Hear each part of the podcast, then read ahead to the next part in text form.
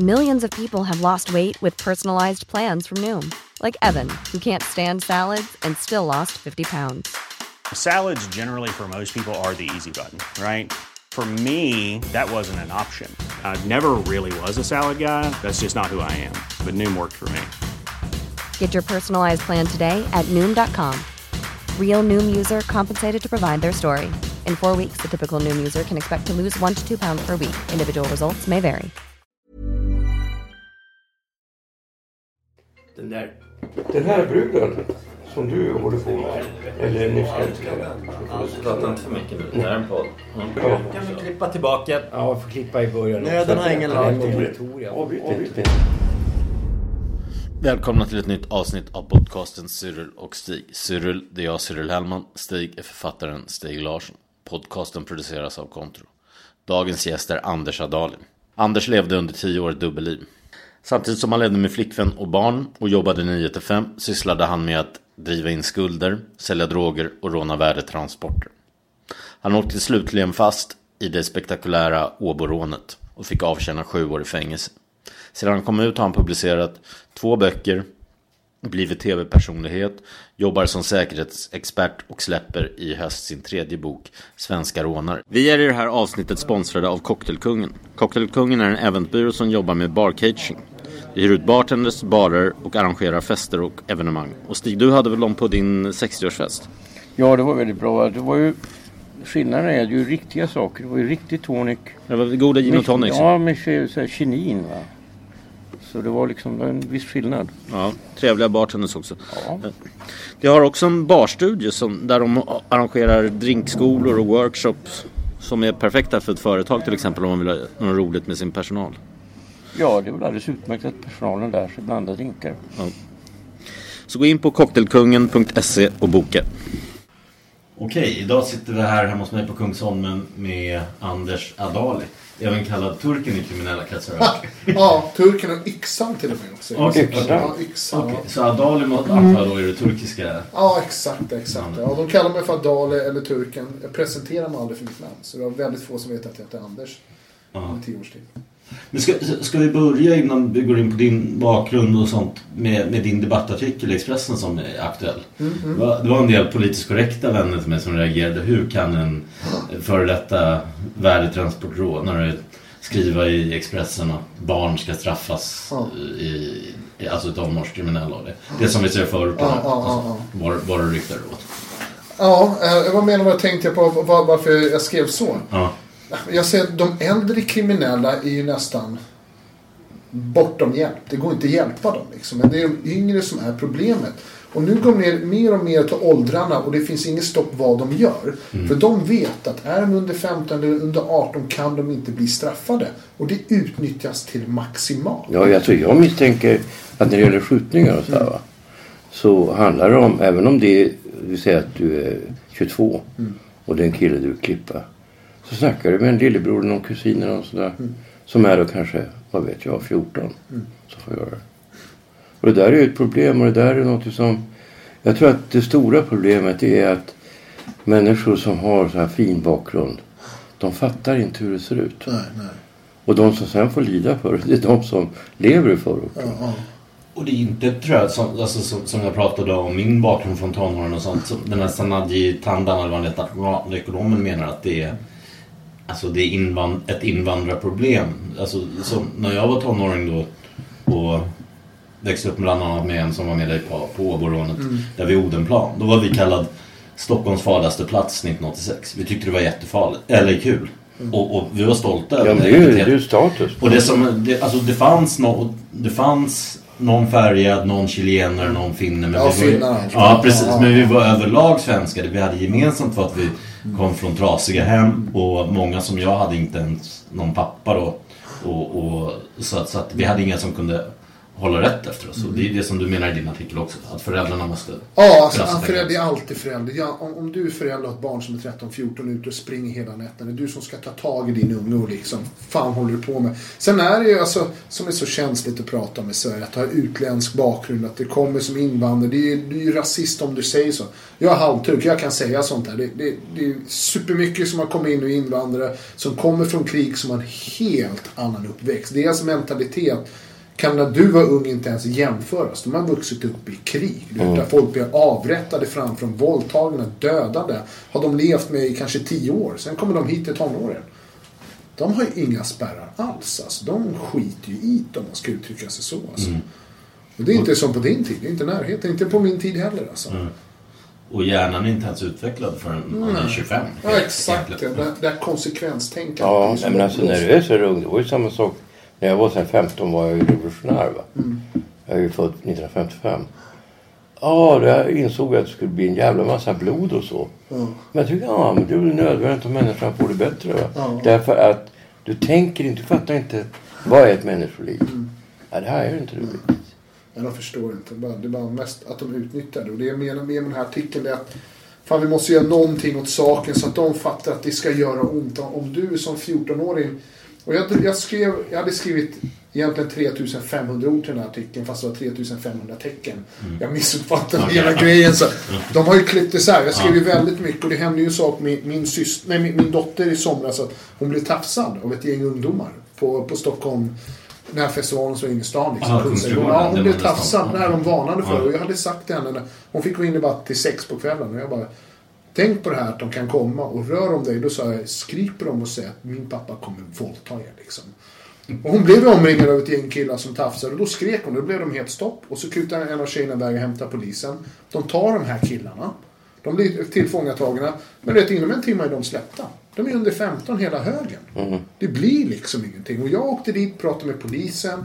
Det kontaktade SOSAB, men ingenting händer. Den där killen borde antagligen ha kontakt med kuratorer och så. Ja, man tycker. Ja, men då pratar jag med polisen och säger polisen så här till mig. Nej, men eh, när det här händer, det är upp till socialen i varje område om de har tid och om de ska ta hand om det. Jag bara, så det kommer inte hända någonting. För jag, jag vill sitta med den här barnens föräldrar och min dotter och min sosse och snut i ett rum och sitta och prata. För jag vet han har utländskt påbrå och hans föräldrar kommer slå sönder han när de vet att han har gjort det. När de verkligen förstår vad han har gjort. Och det sitter en pappa där och är arg. Eh, Jag kan ju säga att inom 12 timmar hade jag fått tag i den här killen.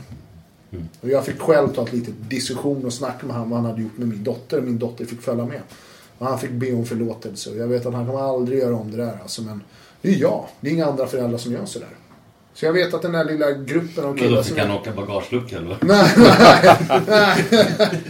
nej, tyvärr. Nej, nej, men jag hade ett ordentligt snack med så kan jag säga. Han fick stå och grina och verkligen be om förlåtelse. Och min dotter efteråt kom och kramade om mig och, och bara tack pappa. Jag bara, "Äl, tack för att du gjorde det. För. Hon hade varit deppig under de här, henne knappt ett dygn. Men när hon gjorde det, hennes leende var så stort. Och hon var så glad. Hon bara, så där, nu fick han må dåligt liksom. Där fick han liksom. Och det är som de där ungdomarna, det är så här.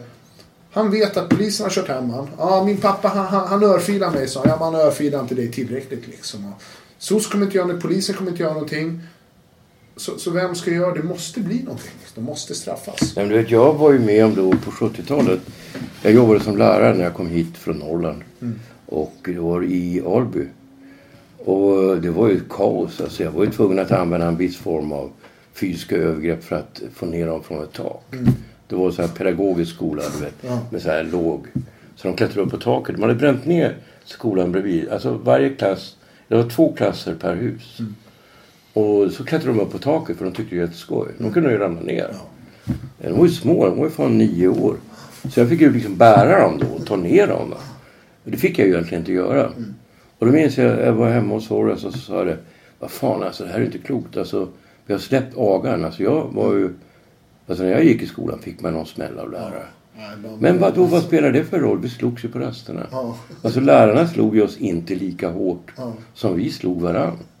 Eh, alltså det var ju... Luggade de tog med nacken och... Ja, de lyfte upp henne och så de tog mig i örat när jag var liten och ja. nacken och så. Det var ju förbjudet egentligen. Jag sa, vad fan kommer att hända? Så jag sa, vi väntar till eh, millennieskiftet. Mm.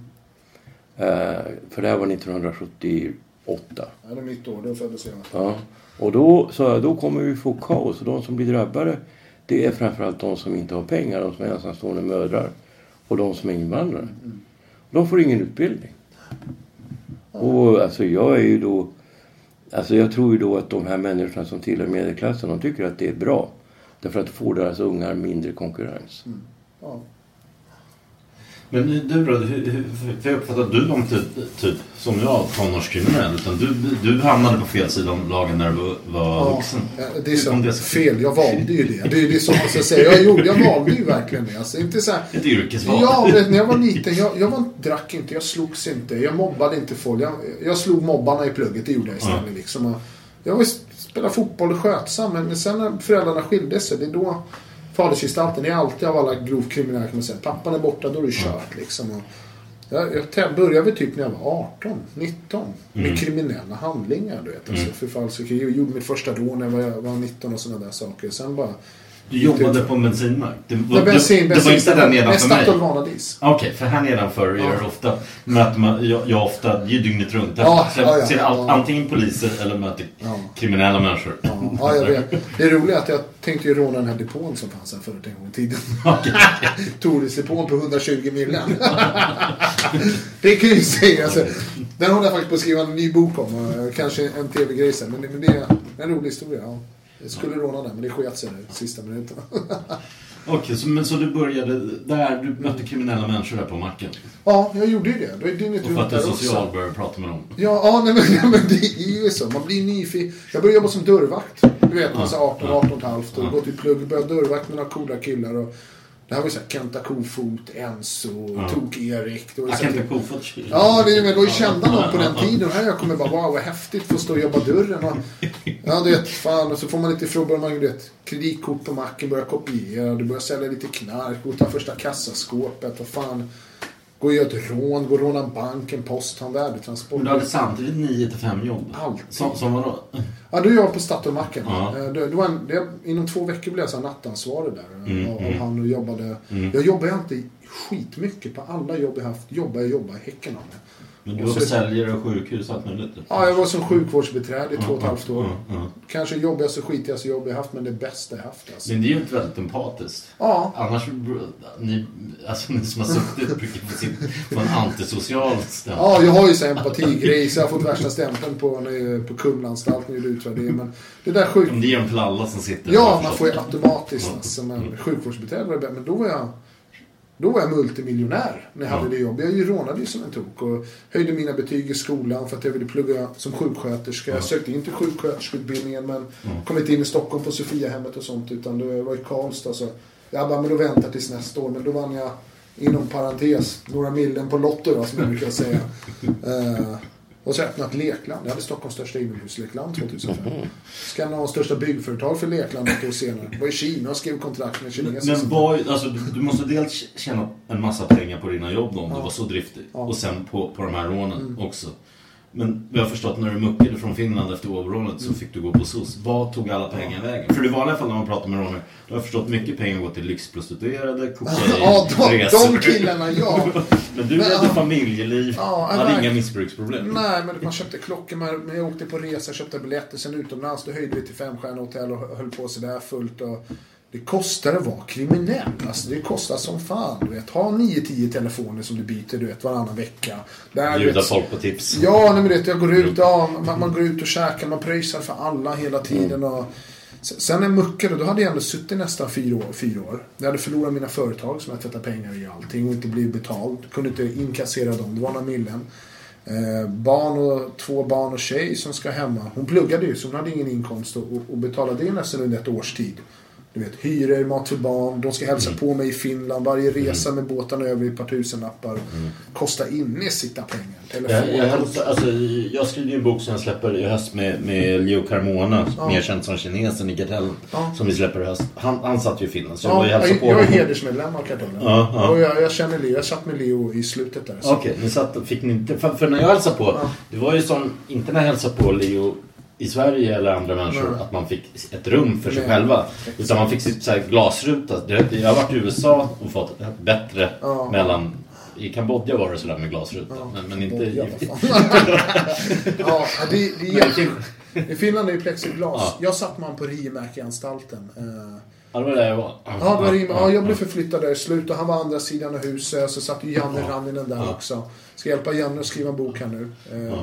Sen vet jag Leo, vi, vi skrev där lite tillbaks. Jag fick ju ditt manus tidigt för något utlåtande tror jag. Ah, Leo skickade via ah, mig ah, och skrev till min kompis. Ah, Och jag gav något utlåtande, tror jag, en tidig version utav, Ja, utav det det, som blev din första bok.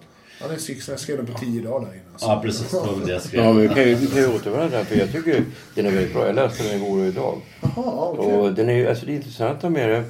Därför att jag har ju aldrig fattat exakt hur det går till att göra världstransportrån. Och jag är ju själv så opraktisk. Jag skulle aldrig, aldrig vara till någon större hjälp. Men, alltså jag är för klantig. Men, men Och du fick klen. Ja, jag är för klen också, men för klantig framförallt. Dålig bilchaufför, jag har allting emot mig. Vet du vad jag gör lumpen på när jag har sådana här tester? Alltså, dels, jag är ju smart va, så jag hade ju högt. Du Jag kan, bli kunde vara planerare. Nej, men alltså, man ska göra så här praktisk intelligens heter det. Alltså skruva i skruvar och sånt där, du vet. Jag Mycket hade, arg ja, jag hade alltså, i en skala 1 till 9 hade jag 2. Så jag fick göra om provet. De trodde att jag, att jag fejkade.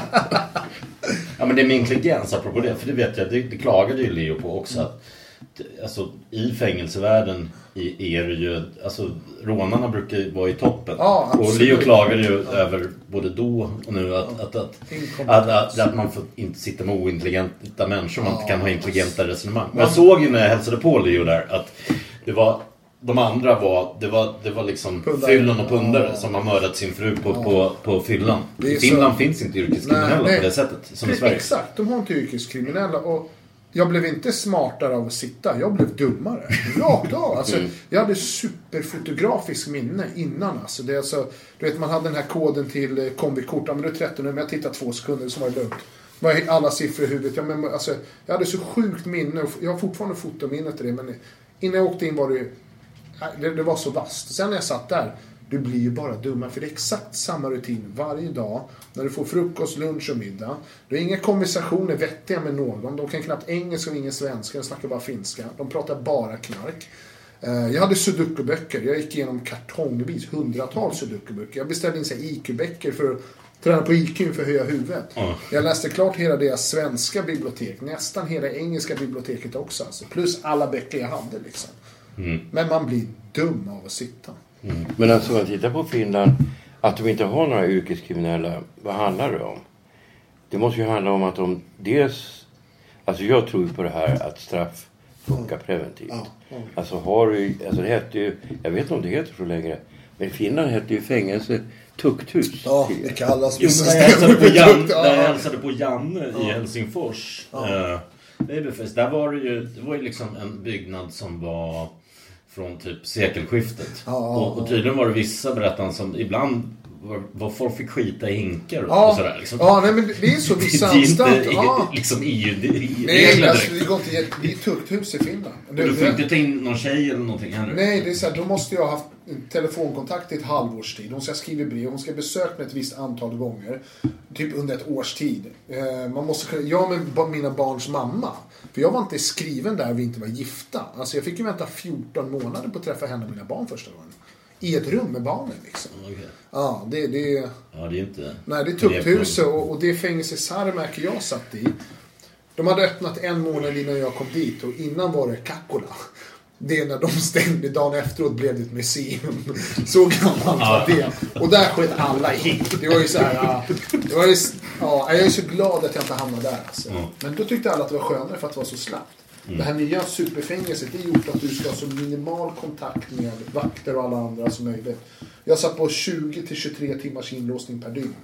I tre, tre, tre år, fyra månader. Så minst 20 timmar per dygn. Sen till, Och du fick inte träffa andra människor. nej, minst 20 timmar. 20-23 timmar per dygn. Vad gör Sen- man då för att inte bli kåkskadad eller galen? Hitta en rutin. Man har ju det här sociopatiska beteendet sen som jag också fick. Så det är ju bara att anpassa sig efter situationen vad det än gör. Och jag anpassar mig jättesnabbt. Jag frågar på en gång vad det är som gäller och inte gäller. Sen hittar jag en rutin och följer den till punkt och prick varje dag. Ja, men jag träffade en äldre man som bodde tidigare på Essingen där jag bor. Han har suttit närmare 25 år sammanlagt. Eh, Så han, han var en av Clarks närmaste vänner. Då. De lärde känna varandra på ungdomsfängelse 1961. och, Och då berättade han att nej, det handlar om att disciplin Ja, ja. och att plugga, träna, plugga. Han pluggade in en jävla massa språk. Ja. det gör det. Man, man måste... Jag, jag, gjorde, jag tränade ju... Jag har aldrig varit så tränad i mitt liv som jag satt inne. Alltså. Jag, jag tränade varenda dag. Man gick ju på tak. Hela timman där. Tre dagar i veckan på gymmet. På dagarna så fort dörren hade en timme utanför. Då rodde jag fem kilometer på en romaskin. Jag upp en mil liksom. Ibland fick jag ta in en cykel i cellen. Då satt jag cyklade fyra, rotmaskiner och sånt har de inte i Sverige hört från folk som Nej, sitter här nej. klagar på deras cykel. Ja, de har på häktet du vet okay. som Okej. åker. Men, uh, gymmet var bra där och allting. Men det var, först är en sak att ta slut på kroppen. Det är det fysiska. Så att man inte orkar. Men du måste ta slut på det psykiskt. Och då satt jag med de här sudokurna, läste och skrev och bara... Du vet, och bara... Jag, jag, en sak är alltid att jag fantiserar bort. Jag kan fantisera en hel vecka på... Om jag ser en bild på en yacht. Stor jävla fartyg. Då kan jag tänka så här. Okej, vem har byggt den? Hur byggde de båten? Ja, men vad fick de delarna till båten? Vad bröt de det? Vem har köpt båten? Vad jobbar han med? Var kommer han ifrån? Ja, med trät när de bygger de där stolarna, var fick de trät ifrån? Var det från Brasilien? Vem jobbar de? Och så, jag kan gå in så en hel vecka på hur man... Från allt till ägaren till de säljer till var de står och bara försvinner. Du vet, Fick bara, Asperger-diagnos? Ja, nej men nej, nej, nej men, Du vet, och verkligen bara, bara försvinna tankarna så att jag är en helt annan värld. Jag kan bara titta upp ett tak och bara se allting framför mig. Och visualisera det en hel vecka, om inte två veckor på en sak. Liksom. Nej, Jag fick en gång ett material från en kille som var jävligt märkligt. Han hade en underlig historia. Han, han var svensk men uppvuxen i USA. Och hade liksom fått skulder, knarkskulder. Drog till Sverige, fick knarkskulder här. Eh, och gjorde ett rån med kniv på en bank. Alltså ganska, Lite ganska så dumt. Ja. Och torskade. Och hade liksom ingen, han hamnade då, satt inne fem år på Kumla. Och, eh, men hans beskrivning av hur han försöker hantera tristess är ju någonting som, jag har ju aldrig läst någonting sånt. Men jag fattar det. Alltså jag fattar inte dels de här träningsinstrumenten. Ja, men det gjorde ju Hawaii som jag skrev om. Ja, alltså du vet, alltså alla de här jävla engelska namnen och vad, de- vad de heter. Och sen de jävla brudarna som han runkade till. Ja. Eh, på den här MTV-tjejer. Ja. Jag visste inte vad de, vilka de var. Så att, och låt oss säga, på en sida så var det kanske 10% av texten var obegriplig för mig. Mm, ja. Men ändå var det intressant. För jag tänker, hur fan gör man för att han Planning for your next trip? Elevate your travel style with Quince. Quince has all the jet setting essentials you'll want for your next getaway, like European linen, premium luggage options, buttery soft Italian leather bags, and so much more. And is all priced at 50 to 80% less than similar brands. Plus, Quince only works with factories that use safe and ethical manufacturing practices. Pack your bags with high-quality essentials you'll be wearing for vacations to come with Quince. Go to quince.com slash pack for free shipping and 365-day returns. Millions of people have lost weight with personalized plans from Noom, like Evan, who can't stand salads and still lost 50 pounds. Salads, generally, for most people, are the easy button, right? For me, that wasn't an option. I never really was a salad guy. That's just not who I am. But Noom worked for me. Get your personalized plan today at Noom.com. Real Noom user compensated to provide their story. In four weeks, the typical Noom user can expect to lose one to two pounds per week. Individual results may vary. hanterar tristess. Han var superpositiv också. Alltså. Maten då? För den är ju inte ens god för oss turister i Helsingfors. Alltså, nej. Finland, är öststatsmenyn. Alltså, det är, jag, ja, jag har aldrig ätit så dålig mat i hela mitt liv. Alltså, man har ju sån här kiosk. Jag kallar mig fick vattensoppa med potatis några gånger i veckan. Det är, alltså, det, det är köttfärspaj. är Katastrofalt. Och Man har ju så här en kiosk som man kan handla från en gång i veckan. Det finns här i Sverige också. Men här i Sverige, när jag sitter på Kumla och jag får min lista. Då går ju de och hämtar maten från Willys. Så jag kan ju skriva det, oxfilé, alltså vad jag vill så köper de. I Finland är det exakt samma lista. Och det är så här grill i mackara, tjock alltså det är kokkorv, det är grillad korv, det är chorizo-korv, det är bara korv. Så här halvfabrikat, dåliga produkter. Jag tror det tog, under, det tog ett år innan de började sälja pasta. Så att man kunde koka. För du har ju kanske en timme om dagen att stå i ett kök Okej. på din avdelning. Så att jag lagar väl, jag skulle säga nästan all min mat förutom en till två dagar, kanske lördag söndag. Annars så fort dörren, då såg jag laka ris och, bara, och hade bara portioner för att jag kunde inte äta det som mat. Köpte kartongvis med nudlar som jag hade i cellen. Och, och tonfisk, jag bara käkade nudlar och tonfisk alltså. ruskigt dålig mat alltså. Men sen, om man läser din bok och så här, typ också, när, när, med, med ni rånare och vad man hör från andra.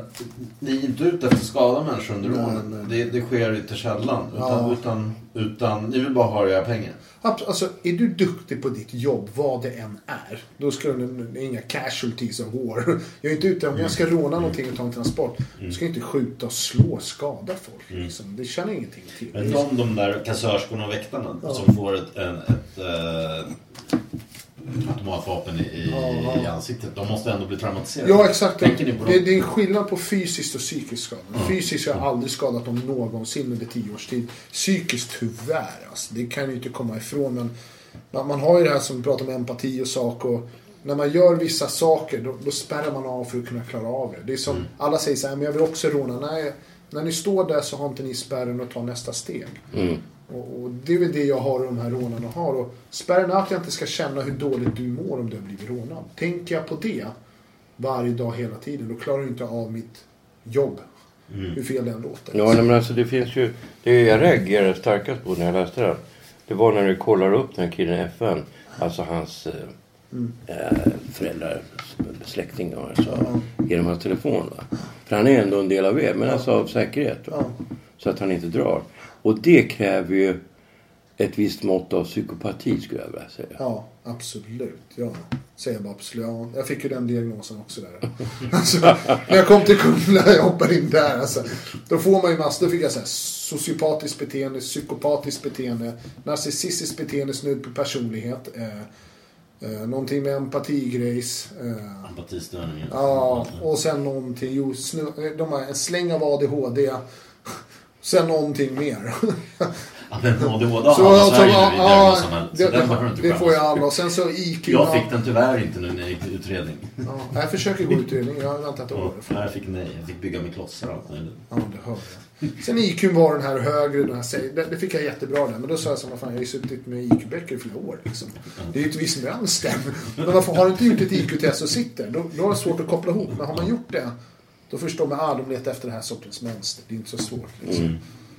Och sen när du kom ut då, hur började ditt nya liv då? Hur, hur, hur, och det blev, nu? Ja, de- den blev ju... Jag vet, alltså... Det är så här, fin, jag kan ju dra tillbaks där. Jag blev dömd till de här sju åren. Då sitter man tre och ett halvt år i Finland. Eh, två månader innan jag ska mucka så får jag slänga mig ett brev i cellen att jag ska bli förflyttad tillbaks till Sverige. Eh, så inom 24 timmar helt plötsligt är jag på Kronobergshäktet. Och när jag kommer till Sverige sen, var ju du här. Jaha, men det är två tredjedelar. Jag bara, nej, nej, nej, nej. Jag muckar om två månader. Jag ska inte sitta över ett år till på mitt straff här. Eh, Det var därför de skickade mig till Kumla. Eh, Dagen då jag ska mucka, då får jag mitt beslut från, eh, från kriminal. De bara, "Du, tyvärr så sitter ju du här nu men nej, det är ju Sverige, det är två tredjedelar så du ska sitta ett år och var det två eller fyra månader? Ett år och två, Ja, två jag förstår månader att till. Finland och Sverige jobbar sådär. Ja, jag bara, vad snackar ni om? Och, och då blev jag förflyttad sen till Mariefredanstalten. Jag satt två månader längre än straff. Jag var nu ett år kvar, hade jag fyra. Men vi hade överklagat det där så att eh, i förvaltningsdomstolen ansåg att jag kan inte bli dömd till ett längre straff. Eh, hade jag varit i Finland så hade jag blivit dömd till över nio års fängelse och det är jag ju inte. Så jag blev släppt från ingenstans. Jag är på en promenad och ropade in mig, kom. Ser massor med väktare, anstaltschefen, plitchefen. Inga så här glada minnen, ser ett papper på bordet. Jag bara, vadå, ska jag släppas? De bara, du ska omedelbart friges. Och då freakar jag loss och bara, fuck you, fuck you, kittar mot fönstret. Jag bara, fucking fri! På gården, alla bara, ja! jag förstår egentligen så här. Och jag kommer ihåg de här vakterna, de bara, nu lugnar ni, jag har sett er isen. Jag bara, lyssna, jag är fucking fri, ni kan inte göra någonting liksom. Sen fick jag dusch och så efter en halvtimme senare stå jag utanför murarna. Och jag har fått ringa mamma som börjar asböla, en polare ska hämta mig. Och jag stod där och väntade efter kompisen. Jag kommer det första jag gjorde när jag kom ut, det var att jag ställde mig och pissade på murarna. Hur fel det än är. Men det gjorde jag faktiskt. Ställde mig och kissade där. Och sen så kom polaren och Men hämtade det är mig. ju, alltså, det torskade jag för någon gång i tonåren. Kissar plats. In igen. Ja. Nej, sen blir jag släppt där och, dagen efter jag släppt, då går jag till SOS. För du vet, jag, jag har försökt att socialisera mig. Jag har suttit isolerad nästan i tre och ett halvt år. Kommit till Sverige och ändå träffa människor. Jag har ansökt om att jag ska komma till öppen anstalt för att jag måste anpassa mig. Du vet. Det är svårt att socialisera sig efter så många år. Så jag kommer ihåg att jag går till SOS. Uh, I och med att det har dragit ut på tiden, har jag ingen lägenhet, ing- ingenting är klart för mig. Kommer inte vad är du här? Jag kommer ihåg att jag står på ett hörn och nästan står och skakar. Du vet, och bara helt paranoid för att det är så mycket människor. Det kommer någon, får sätta mig i ett rum och hon bara, här, jag bara, jag muckar från kåken precis. Hon bara, jaha. Hon bara, men då får du på måndag ska du gå till det här Typ, där alla invandrare går och sätter sig i ett rum med 50 personer som ska lära sig svenska och första jobb. Jag bara, inte en chans. Det finns risk att jag kommer döda någon där alltså. Du förstår inte allvarligt vad det är. Så jag gick till SOS och fick bo hos morsan i Elvis-rummet. och, och vänta nästan i två års tid tills det här fallet var klart. Tills Högsta förvaltningsdomstolen beslutade att jag inte ska sitta. För tre månader efter jag hade, slut, efter jag hade muckat så bestämde sig, vad var det, Kammar, Kammarkollegiet eller vad Kriminalvården överklagat att jag ska in igen. Mm. Så tre månader efter jag släpps får jag ett beslut att du ska sitta igen ett år och två månader till effektiv tid. Mm. Men då överklagade vi det. Så under två års tid så levde jag i att vilken dag som helst kommer jag få papper. Okej. ställa mig in. Så det att jag kunde inte skaffa jobb. Fick bo hos morsan. Gå på SOS. Eh, och jag busade väl lite. Jag höll på med lite skit också. Mm. Jag bara, det för roll? Jag ska ändå in liksom. Eh, sen efter två när det där kom då, då fick jag en ny chans. Mm. Då, då, då jag bara, nu, nu fick jag min, nu får jag, då fick jag börja om från helt noll. Mm. Eh, drog på semester med mina barn, kom hem, fixade lägenhet, fixade jobb. Eh, och det är väl tre och ett halvt år sedan nu. Mm. Sen den kom. Men nu när du tittar tillbaka på det så, jag menar, hade inte det här hänt, om du inte hade åkt fast, Mm. så är det väl risk att du hade gjort någonting till. Ja, det är som jag säger, det räddade mitt liv. Jag, jag hade väl varit död.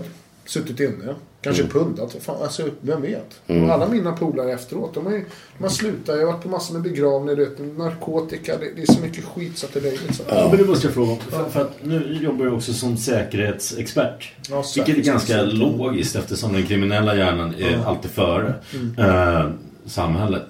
Men, men vad tycker dina gamla vänner om det? Du försvårar ju för dem. Ja, men vad fan, mi- mina vänner, mina, mina, mina vänner som jag säger, de tycker att det är bra. För de fattar det här med kriminalitet är skit. Och mina vänner nu, de är inte kriminella. Jag umgås inte med kriminella, jag har inga kriminella vänner.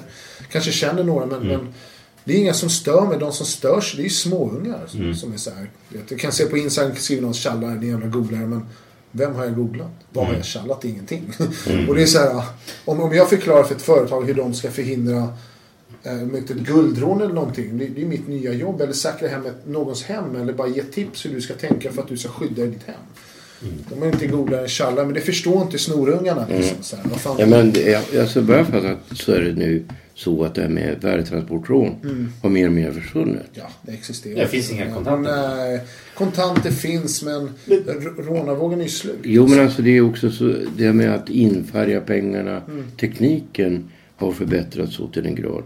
Eh, jag snackade med en polis. En hög polis som jag skulle göra ett, eh, en serie för tv tänkte jag. Mm. Det blir inte av. Men eh, då snackade jag med honom. Han gick igenom synopset. Och då sa han det. att, Nej men du vet. Det är samma grej här med. Eh, alltså titta på värdetransportrånen. Så vi förbättrar tekniken. Så till slut försvinner det. Va? Men det som händer, du har ju fortfarande kvar kriminalitet. Men det blir då smash and grab grejer med, med guld och sånt där. Va? Och det finns ju fortfarande krav. Men med, du har ju, han sa terrorism. Han sa vi, vi är väldigt bra på det här med att eh, alltså genom datorer, genom övervakning och så knäcka det. Men, men det som kommer att ske nu det är ju då att man hugger ner folk med kniv. Mm.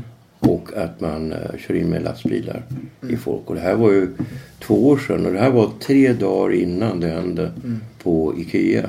Så det var ju lite så här, oh shit. Och Frans sa det går inte att skydda sig från det alltså. Enstaka personer som du vet Ja, som är bestämmer sig vans, det är vansinnesdåd. Ja, det- Terrorister tycker jag är så fel ord som det missbrukas det här ordet. Ja, nej, men alltså de, de... Alltså vad fan ska vi göra? Vi vet ju ingenting. Vi kan inte se in i människors Det vi, huvuden. ja, det vi ska vara glada med de här, om vi hoppar in, jag ska säga något Mm. om det andra. Det är att de här som gör de här vansinnesdåden, som inte är terrorister, det är att de är för inkompetenta för att göra något värre. Och, och jag pratade med någon vän om det här. Jag bara, om jag skulle vilja göra, inom parentes, terroristdåd, skulle jag kunna göra så sjuka saker. Alltså planera och genomföra och göra så, sådana elaka saker mot, mot samhället som inte någon skulle kunna få tag i mig. Under tio års tid var jag en rånare och kunde planera och göra saker ingen får tag i mig. Och det är samma sak med de här. Som terroristerna i alla länder som gör de här dåden. De är inte tillräckligt smarta eller kompetenta för att göra något värre. Vilket vi ska vara glada för. De har inte en organisation för, för att verkligen planera och göra en sjuk sak. Liksom. Det är impulssaker det. Ehm, och sen med, med rånarna, rånarkulturen är ju död. Den har åkt ut liksom. Och, För där blev jag tillfrågad och har också blivit tillfrågad om en tv-serie och gjort research där. Och då var det mellan 97 och 2002. Så begicks det 200 värdetransportrån, 500 miljoner försvann. Men alltså, jag kommer ju själv ihåg från mina barndomskompisar. Jag blev ju dumförklarad för att jag ville läsa på, på universitetet och inte kliva på ett värdetransportrån. Och de kom ju undan med. Jag vet folk som aldrig har straffats. ja, ja, jag blev grej. Ja, precis. Eh, men men eh, det jag skulle säga med det är att där, då fanns det pengar för alla. Mm. Det som har hänt nu har ju blivit då att unga skjuter varandra för droger. Ja, För, för pengar. Men, Nej, då, det- det- men vad är lösningen då? Kanske man ska, även om jag är emot legalisering, kanske droger ska legaliseras? Nej, det tycker jag inte. Nej, man, man säger så här, normalisering av vissa grejer kanske ja, som cannabis. Du, ser andra länder hur det är. Du, om man ska jämföra alkohol och, och, och, och cannabis. Liksom. Om du dricker alkohol, kört bil och allt, du kan få böter hit och dit, men din ditt liv förstörs inte. Om du har rökt en joint och, och du blir stoppad sen, fast du inte påverkar, då du har det i ditt blod, då är ditt liv förstört. Liksom. Så här, du kan inte återhämta körkort, du ska pissa, du kan inte få vissa jobb. Det, det, det är efter, kanske normalisering av vissa saker, men inte legalisering. Det, det, det anser det kan vara för stort problem. Alltså. Sen, dagens ungdomar, det är ju bara droger. Det, det är så... De inte... Ja, men sen är det också det att... Men det är det, det, att det, jag tycker de är mest... Ja, men, men, Det mest allvarliga det är ju de här jävla internetdrogerna som de inte ens Ja, kan så- göra illegala. Nej. Det är bara att bestämma sig. Okej, om det är något på internet som är en drog så är det illegalt. ja, det är livsfarliga grejer där också. Men, men sen det här med, med, med att råna dött ut, som ni pratar om, att ni, ni ser det här med att då är säkerheten så bra, tekniken är så bra. Den är bra, men om jag skulle vilja kan jag råna en depå, jag kan ta en bil, jag kan ta nya väskorna. Det är ingen snack om saker. Det skulle jag kunna göra inom en vecka om jag planerar och la min tid på det. Men de gör inte det. De vet inte hur de ska gå runt vissa saker eller tänka eller göra.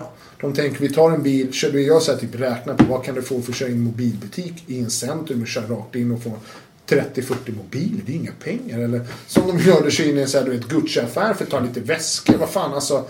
Du ska sälja, du får, alltså, det blir inga pengar. Och jag är så här helt, vad fan gör de? Okej, guldbutiker och allt det här. Men det skrev jag för nästan fem och ett halvt år sedan när jag började på den här boken. Då förutspådde jag med, med guldrån och allt det här innan det ens började. Vad som skulle hända. Men och hur kom du in på TV? För att bli TV-personlighet? Ja, det, det är ju så jävla sjukt det här alltså. Jag älskar ju hela tv-grejen. Jag älskar att stå framför kameran. Jag älskar att göra det där. Det är verkligen det är den narcissistiska sidan i mig som hoppar fram. Men Stig är fullblodsnarcissist. Ja, Det är vi alla bara. Jag har bara en grad släng. Man måste ha det förklarat. Jag säger så här. Jag vet att jag är bra, men det är alltid någon som är snabbare, snyggare, bättre. Men jag är fan bättre än de flesta. Så säger intalar man sig själv. Eh, nej men tv-grejen var att jag släppte första boken och sen så ringde de faktiskt med vad heter det, Leif GW Persson och, och Veckans brott. Så gjorde jag en dokumentär med dem. Och det var verkligen, vi åkte och filmade. Jag körde allting på första tagningen. Bang, bang, bang, wow. Fan vad bra jag var. Och bara diggade det. Sen så gjorde jag en tv-reklam för Dalok, säkerhetsdörrar. Eh, sen så gjorde jag Brottskoden, en timmes dokumentär om mig i TV3. Eh, sen så gjorde jag ju Stoppa tjuven, blev programledare helt plötsligt eh, på TV3. Och sen säsong två på Aftonbladet och jag ersatte Leif GW Persson i Nya Efterlyst. Det, är ju så sjukt alltså. Och sen gjorde jag Sen har jag gjort lite andra tv-grejer som hoppar fram och, och, och sånt. Och sen nu senast gjorde jag ju Filip och Fredrik på femman i krimpanelen. Eh, och då kan jag säga så här, från att ha varit kriminell till att sitta tv och äta då fick jag välja en, en måltid. Jag hittade på en egen. Börek med eh, tryffelbörek med 24 karats guld. Och så Bollinger. Så att jag drack i tv. Så från där jag var till att käka guld och tryffel i tv. Det säger ju ganska mycket. Alltså. Alltså, det är något samhälle. men, men jag, alltså, nej, jag diggar det stenhårt. Jag, Men jag, där, men du, i Stoppa tjuven tror jag, då, då jobbar du med Tage Åström. Han är ju Ja, minst sagt av, Efterlyst, ja, Efterlyst, ja, avskydd i den kriminella världen. Ja, För så- de som inte vet, som lyssnar på podden, så han var, han, det var han och Olle Liljegren som höll Och på sen med informatörer. Ali Ja. va? the Ja, baddest cop framförallt de två. Och Tage sågs, misstänktes också starkt efter ljudupptagningar från tysk polis, inte Ja. svensk. För att plantera bevis. bevis och sånt. Så han, han har sett som väldigt korrupt. Han slutade innan det blev någon rättegång. Och Han blev friad på allting också. De la ner åt. Ja, Jag säger så här, jag, Tage och jag gjorde det på Efterlyst. Tage var hemma hos mig förra veckan i min lägenhet. Det här är också så. Och jag diggar, det är nästan som en pappagestalt. Så ska jag säga rakt. Jag, jag älskar den här snubben. Han är så jävla trevlig och så jävla snäll. Och han satt hemma i mitt hem och, och till min nya bok så att vi gjorde en intervju. Och det är bara så sjukt att, och jag vet ju inte vem han har varit. Han är så här, Alltså, jag- han har tagit till kriminella Ja, ja, ja, ja För att absolut. sätta dit Ja. kriminella. Och jag har ju snackat med honom. Han bara, vadå? Om, om de kriminella gör så mycket skit och håller på någonting. Det enda sättet, hur ska vi få tag i dem? Vi måste göra samma sak, annars får jag inte tag i dem. Liksom. Det är väl klart. Ja. Och han är så du vet, är du rånare när jag gjorde en intervju? Så säger han, om du rånar och riktar ett vapen mot en polis. Vad fan tror du? Tror du inte att du ska bli skjuten eller liksom? Jag har inga sympatier alls för sånt. Och han säger ut. Han är så korrekt det kan bli med vissa sådana saker du säger som det är liksom. Men, eh, vi gjorde Efterlys och sen nu gör vi krimpanelen där tillsammans också. Så jag, Jo, men jag tror att det är så att de som är kriminella, de kan känna en respekt för polisen. Ja, Om de, alltså, jag, jag uppfattar att man har en väldigt hög, eh, så, synen på svensk polis är väldigt bra. ja. Sen finns det poliser i vissa andra länder som man uppfattar som mindre bra. Alltså dansk polis är till exempel inte lika fair som svensk och så här, va? Det är vad jag har hört. Ja, ja. ja, det är lite olika olika länder alltså. Men jag har alltid varit med poliser överhuvudtaget. Trevlig mot dem. Jag, Ja, har, aldrig, jag har aldrig samlat blivit stoppad när jag kring mig. Jag bara, du vet, bara Ja, men alltså, det var- det var- säger så ord till dem. Jag bara tjallar. Nej men alltså det, var, det är en sån generationsskillnad. Därför På 90-talet så umgicks jag med, med killar som... Det var ett projekt på Dramaten och vissa av de här hade en kriminell bakgrund. Och när jag sen började hänga med dem på Surplan och så. Då blev jag presenterad för massa liksom, militärligan och alla de här. Va? Ja, häftigt. Och de var jävligt korrekta och trevliga och körde en väldigt, eh, som man säger, alltså gentlemannastil. va. Och när de träffade poliser på gatan. Åh, är det Åke? Är det här din Ja, det det fru? jag menar. Vad trevligt. alltså. Ja, nu ska du inte... Vilken snygg fru du har. Ja, ja, men man är ingen anledning till att. Nej, och, jag och sen, sen ja. träffade jag några killar då. Uh, det här var ja, sex, sju år sedan. Enda gången jag torskade. Mm. Uh, och jag är ute och trevlig. Alltså okej, jag torskar. Men Vad fan- torskar du för? För cola, ja. Ja. Och jag, alltså, jag, jag tog ju mycket tjack på 90-talet. Mm. Cola är inte min grej liksom. Men vadå, jag torskade. Ja. Och det är bara att erkänna. Vad fan, det här är mitt. Ja, Ni hittar det här i fickan. Vad ska jag säga? Det ser ut som narkotika. Det är någon som la det där. Det känns så dumt att säga det. Nej. Så.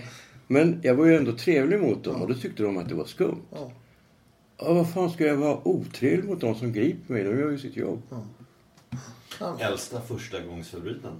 Ja, han, sa, han skrattade och sa, han körde hem och sa, du är den äldsta första gångsförbrytare jag har gripit. Ja. Nej, det är, jag, vet, jag säger alltid vara trevlig. Det, det finns ingen anledning till det inte. Man får bara en huvudvärk alltså. Och boken du släpper nu i höst då med, med Theo Lundgren. Ja.